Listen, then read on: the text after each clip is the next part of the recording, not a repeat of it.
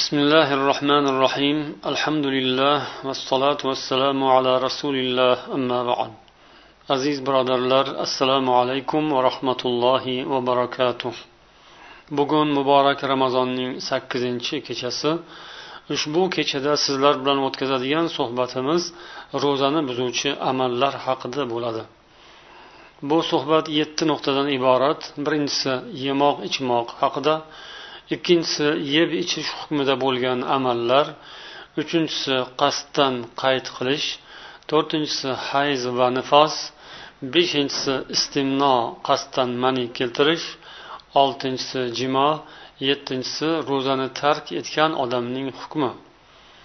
Ulamolarimiz ro'zani buzuvchi amallar xususida aytgan qavullarning xulosasidan kelib chiqib shuni aytishimiz mumkinki ro'zani buzuvchi amallar olti xil bo'ladi. Ularning birinchisi yemoq ichmoq. Bu inson ichiga ovqat yoki ichimlikning kirishidir. Inson oziqlanish maqsadida demak ovqat yeydi ichimlik ichadi og'zidan tanovul qiladi.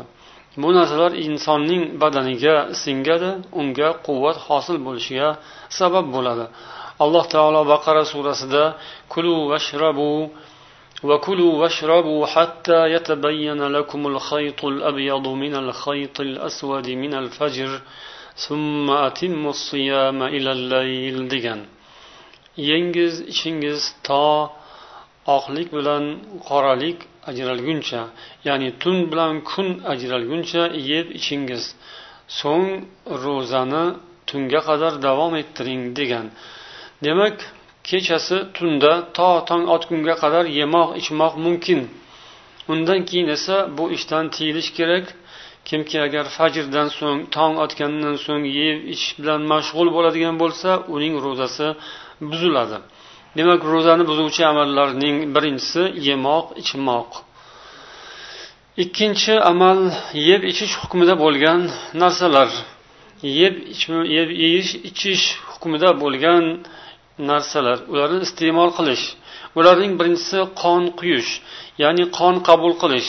Agar inson biror bir hodisaga duch kelib qon qabul qilishi qon quyilishiga to'g'ri keladigan bo'lsa demak bu uning ro'zasini buzadi. Inson qon qabul qilishi mumkin ya'ni biror bir falokatga duchor bo'ladigan bo'lsa olloh asrasin. Demak u qon qabul qiladi va bu bilan uning ro'zasi ushaladi. Chunki qon bilan inson quvvat hosil bo'lishiga sabab bo'ladi. Yeyiladigan ovqat oziqlardan yoki ichimliklardan ham e, hosil bo'ladigan narsa ularning natijasi insonning qoniga boradi qoni ko'payadi va unda demak ana shu oziqalarning hosilasi paydo bo'ladi quvvat paydo bo'ladi. Demak to'g'ridan to'g'ri qon qabul qilish xuddi yemoq ichmoq hukmida bo'ladi. Inson ovqat yeyish bilan yoki ichimlik ichish bilan hosil qiladigan natijani u qon qabul qilish bilan ham hosil qiladi. Shuning uchun qon qabul qilgan qon unga quyilgan odamning ro'zasi ushaladi. Ikkinchisi oziqa bo'ladigan ukollarni qabul qilish. Bu ham yemoq ichmoq hukmida. Inson ovqat yeyish yoki ichimlik ichish orqali erishadigan natijaga demak ukol orqali ham ya'ni quvvat bo'ladigan ukolni qabul qilish orqali ham erishishi mumkin va bu bilan uning ro'zasi ushaladi ammo biz o'tgan suhbatlarda aytib o'tganimizdek oziqa bo'lmaydigan davo ukollarni qabul qilish ro'zani buzmaydi.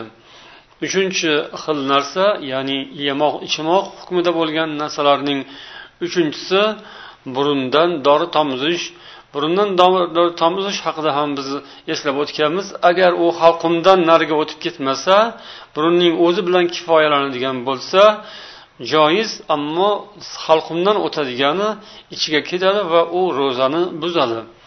Ba'zi bir odamlar bergan savollarning ichida misr muftiylariga bergan savollarning ichida mana shu holat zikr qilingan va ular agar dori tomizmasa doimiy tumov gripp doimiy aksirish kasaliga mubtalo bo'lgan bir inson shu savolni bergan. U vaqti vaqti bilan bir kunda bir necha marotaba burniga ana shunday bir maxsus doridan tomizib turishi mm, lozim. Aks holda u darhol tumov boshlanadi unda va yo'tal yoki aksirish unda paydo bo'lib to'xtamasdan shu narsa davom etishi mumkin. U ehtiyotini qilib burniga shunday dori tomizib turadi o'sha dori ichkariga kirib ketib qolishdan ehtiyotini qiladi. Xuddi mana shu mavzuda mana shu masalaga berilgan javobda aytilishicha agar shu dorini tomizishda ehtiyotsizlik qilsa ro'zasi ushaladi. Ichkariga kirib ketadigan bo'lsa u qatra tomchi dorilar insonning burni orqali ichiga ketadigan bo'lsa halqumiga ketadigan bo'lsa demak ro'za ushaladi. Yana mana shunday yemoq ichmoq hukmida bo'lgan narsalarning biri sigaret chekishdir avvalambor bu amal yomon ish ekanligini eslab o'tishimiz kerak ya'ni sigaret chekish gunoh. U harom ishdir. Ko'p barcha ulamolarning ittifoqlari bilan bu narsa haromdir. Illo nodiran ba'zi bir odamlar sigaret chekishni harom emas makruh deydiganlari ham bo'lishi mumkin ammo ular juda ham e, sanoqli barmoq bilan sanoqli odamlardan shu gap chiqishi mumkin. Lekin barcha ulamolar jumhur ulamolar sigaret chekishning zararlari aniq. Bu borada tibbiyot xodimlarining ham fikrlari ma'lum. Insonning badaniga ziyonligi uning o'pkasini ichini sigaret xarob qilishi bu aniq narsa isbot talab qilmaydigan narsa isbotlangan narsa bu har bir oqil odam tushunadigan narsa. Uning ustiga iqtisodga ziyonligi uning ustiga insonning xulqiga ta'sir qilishi bu jihatlarni hammasini hisoblaganingizda bu harom ekanligida aslo shubha yo'q. Lekin shu bilan bir qatorda buning ro'zaga bo'ladigan ta'sirini ham aytib o'tilishi kerakki shu sigaret chekkanda inson ichiga tutunni tortadi va bu uning ro'zasini sindiradi. Demak bu ikkinchi nuqtada aytilgan so'zlar edi. Inson yemoq ichmoq hukmida bo'ladigan narsalar inson ovqat oziq bilan oladigan manfaatini yoki hosilasini natijasini mana shu amallar orqali ham hosil qilish mumkin. Insonning ichiga bu narsalar kiradi uning ro'zasi buziladi. Uchinchi amal ya'ni ro'zani buzuvchi amallarning uchinchisi qasddan qayd qilish. U, u inson o'zining ichidan me'dasidan oshqozonidan taom yoki ichimlikni qasddan qaytarib chiqarib tashlash. Barmog'ini tiqish yoki biror narsani hidlash yoki biror narsaga qarab turish oqibatida qayd qilishni paydo qilish bu ro'zani buzadi. To'rtinchisi hayz va nifos qonining paydo bo'lishi. Payg'ambarimiz sollallohu alayhi vasallam ayol kishi hayz ko'rganda yoki nifos holatiga kirganda ro'za tutmasligini hukmini bayon qilganlar. Demak qachonki bu holat paydo bo'ladigan bo'lsa ro'za kunining qaysi bir soatida bo'lishidan qat'iy nazar ro'za buziladi. Farazan agar ro'za tugashiga ozgina qolgan vaqt og'iz ochish iftorlikka ozgina qolgan holatda bu narsa paydo bo'lsa hayz qoni kelsa yoki e, ayol kishi ko'z yorisa uning ro'zasi ketadi. O'sha kunning ro'zasini keyinchalik tutib berishi lozim bo'ladi. Ammo ulamolar aytadilarki hayz qoni ko'chganini sezsa lekin u zohir bo'lmasa uning ro'zasi durust bo'ladi. Ya'ni og'iz ochgandan keyin masalan hayz qoni zohir bo'lishi mumkin. Ammo kun botmasidan avval shu qon kelayotgani unga seziladi. Shunday bo'lsa qon ichkaridan ko'chdi lekin hali zohir bo'lgani yo'q. Zohir bo'lmaguncha bu hayz keldi deb hisob qilinmaydi ro'zasi ushalmaydi. Beshinchi nuqta. Ya'ni ro'zani buzuvchi amallarning beshinchisi istimno qasddan manini keltirish. Bu barcha ulamolar nazarlarida ro'zani buzadigan amal. Aslida bu ish ya'ni qasddan mani keltirish bu mumkin bo'lmagan nojoiz ish. Yomon huquqlar qatoriga kiradi. Bundan tiyilish kerak. Agar shu ish ramazonda sodir bo'ladigan bo'lsa insonning ro'zasi ushaladi. Buning dalili shuki payg'ambarimiz sollallohu alayhi vasallam alloh taolo nomidan aytgan so'zlari ya'ni hadisi qudsiyda aytilgan. Alloh ro'za tutgan odam haqida uning holatini ta'riflab uni maqtab aytganki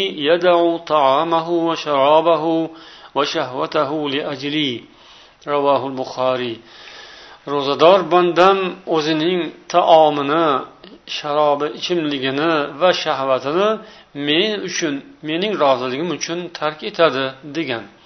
Demak bundan ko'rinadiki mo'min odam ro'za tutgan odam olloh uchun yemoq ichmoqdan va shahvatni qondirishdan tiyiladi.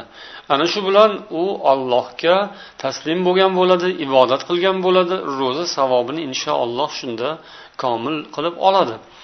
Agar bu ishlarning birontasi buziladigan bo'lsa demak ro'zaning shartiga xilof keladi.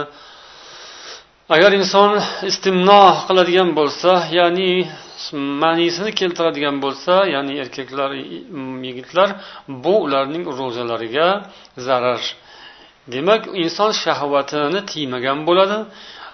Alloh taoloning yuqorida aytgan tarifiga muvofiq kelmaydi. Shu bilan u ro'zasi buziladi. Bunday odam ro'zasining qazosini keyin tutib berishi kerak bo'ladi.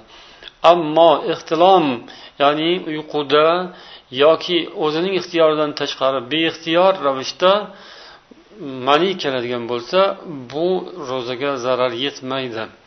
Yana ulamolar agar insonning xayolidan nimalardir o'tib fikr ta, ta, tafkir oqibatida shu ish sodir bo'ladigan bo'lsa demak o'zining harakati rol o'rin tutmagan bo'lsa o'zining harakati bilan bu narsa paydo bo'lmagan bo'lsa unda ro'za ushalmaydi deydilar. Ya'ni insonning ixtiyoridan tashqari o'zining harakatidan tashqari ravishda bu narsa sodir bo'ladigan bo'lsa zarari yo'q. Mana shu o'rinda demak avvalgi suhbatlarda ham aytib o'tilgan edik insonning ba'zi bir holatlarga tushishi demak uning o'zini tiya bilishiga ham bog'liq. Payg'ambar sollallohu alayhi vasallam ro'za holatlarida bo'lsa qilardilar va ba'zan ayollar bilan yonma yon o'tirardilar lekin u kishi aytadilarki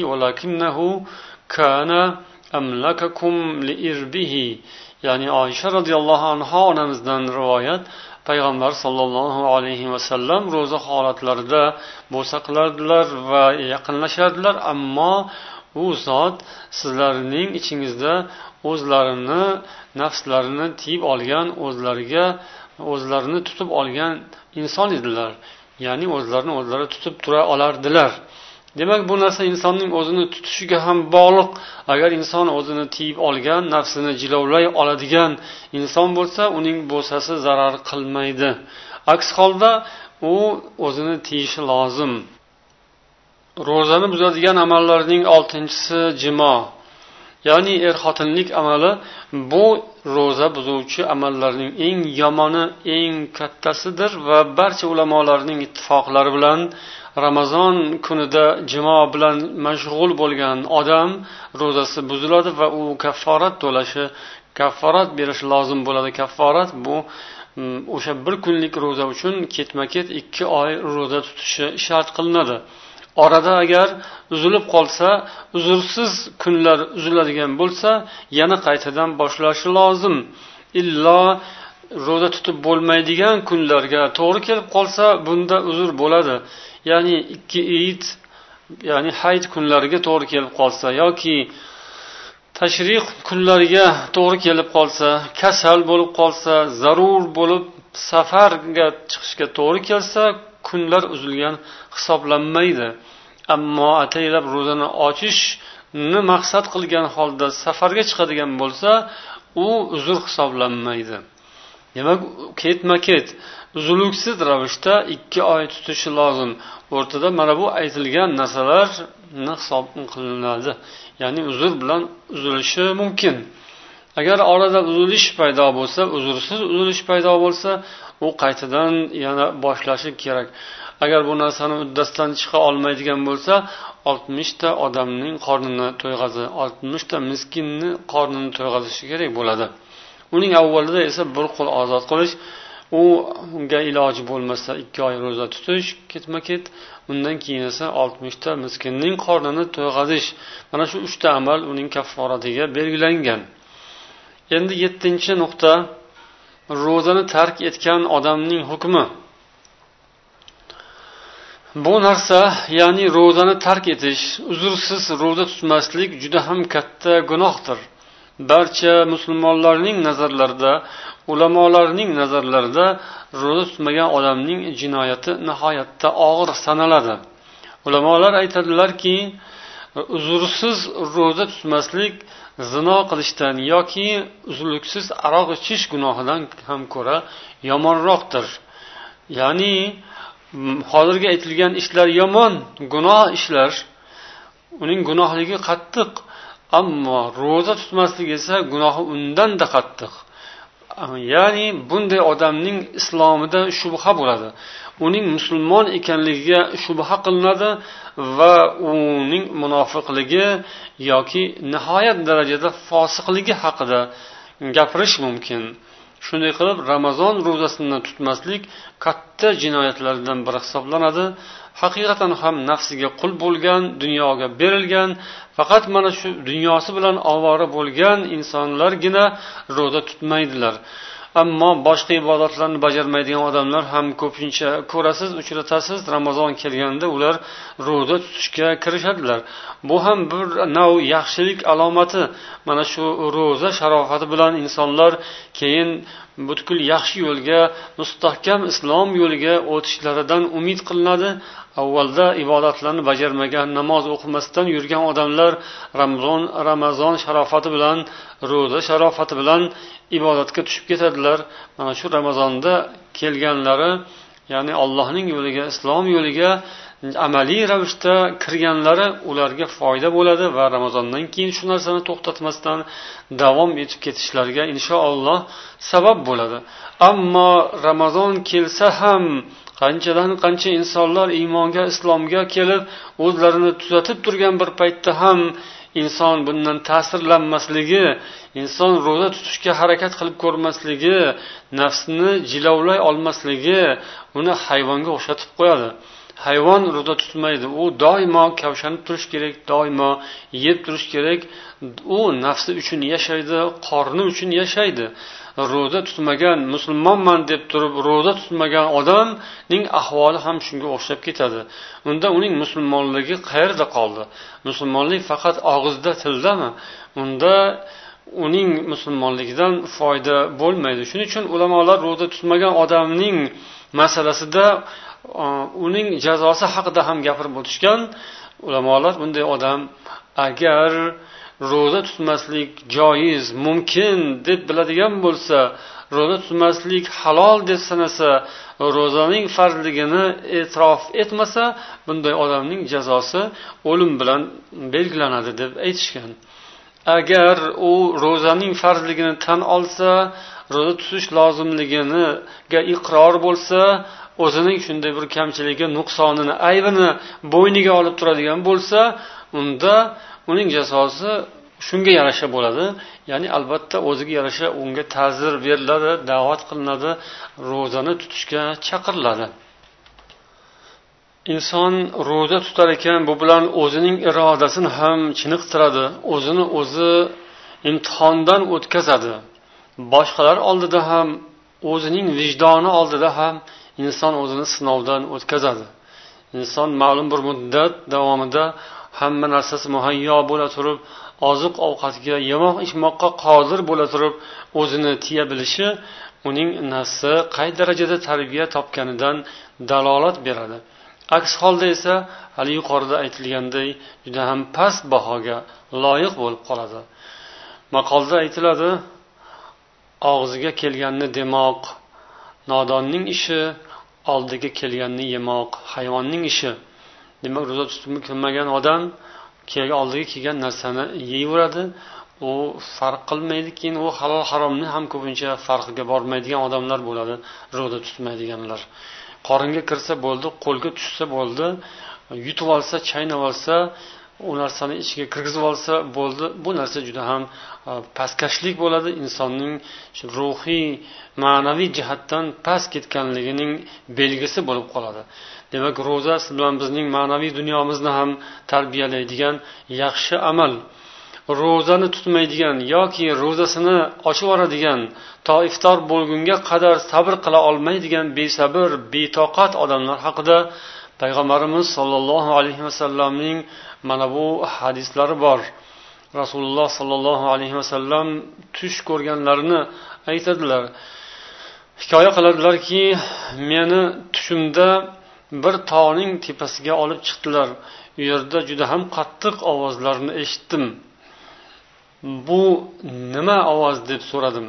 Ya'ni u kelayotgan ovoz shunday bir hayvonning uvillagan ovoziga yoki itlarning vovullagan ovoziga o'xshab ketadigan tushunarsiz qo'rqinchli ovozlar eshitdim. Bu nima deb so'raganimda do'zax ahlining faryodi deydilar. Do'zax ahlining uvillashi deb javob berdilar farishtalar. Keyin yana meni yetaklab davom etdilar. Shunda bir mahal qarasam odamlar oyoqlaridan tovonlaridan osib qo'yilgan odamlarga ko'zim tushdi. Ularning lunjlari yirtilib qo'yilgan ya'ni lunjlar yirtib tashlangan. Ularning og'izlaridan lunjlaridan qon oqib yotibdi. Bular kimlar deb so'radim.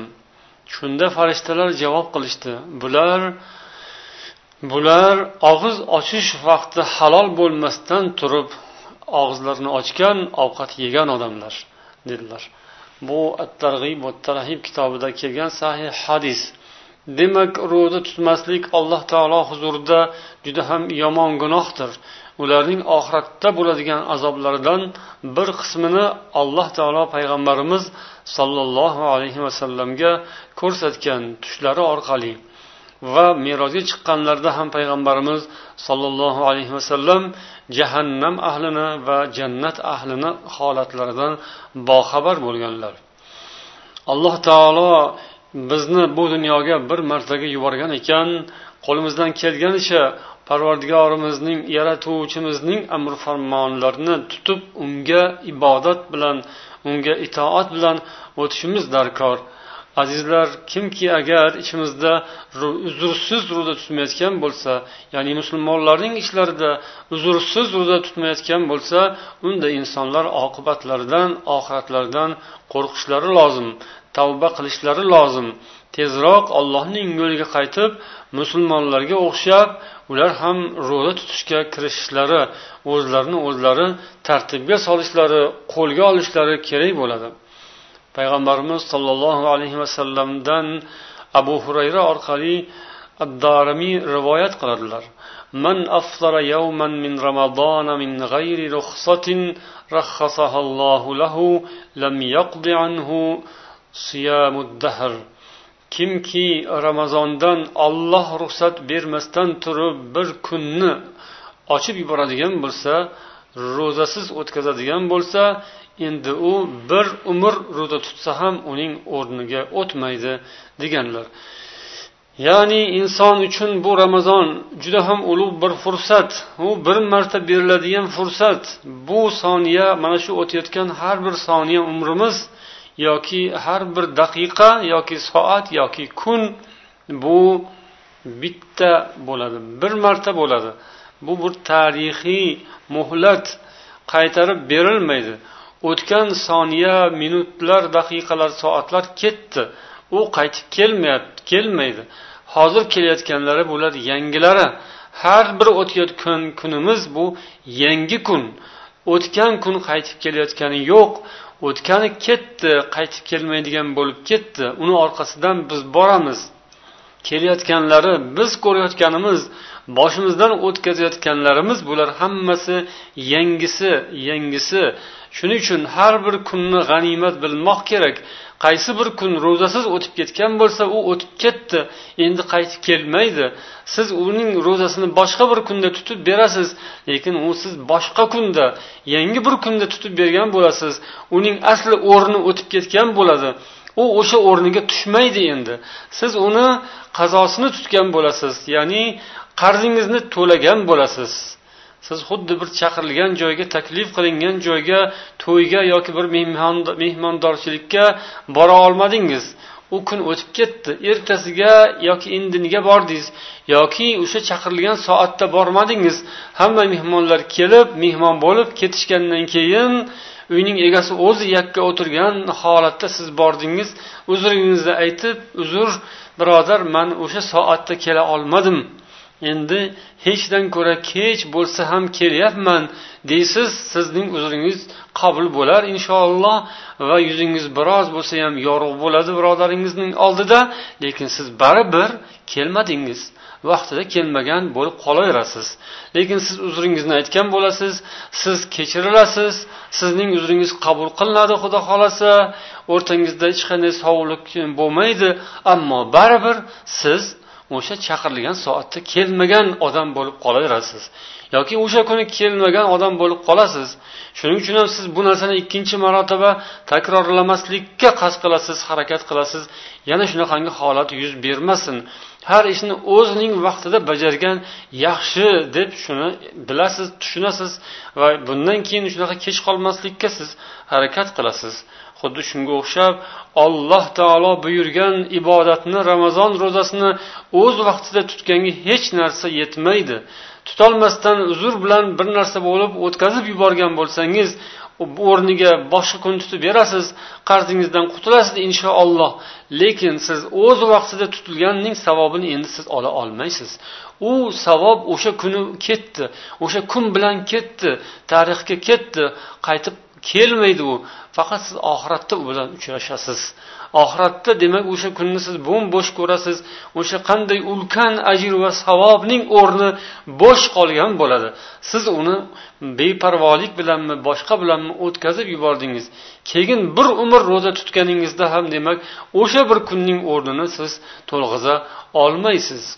shuning uchun olloh hammamizga hushyorlik nasib etsin olloh buyurgan ibodatlarni o'z vaqtida o'z soatida chiroyli bajo qilishimizni parvardigori olam muvaffaq aylashini so'rab qolamiz سبحانك اللهم وبحمدك أشهد أن لا إله إلا أنت أستغفرك وأتوب إليك السلام عليكم ورحمة الله وبركاته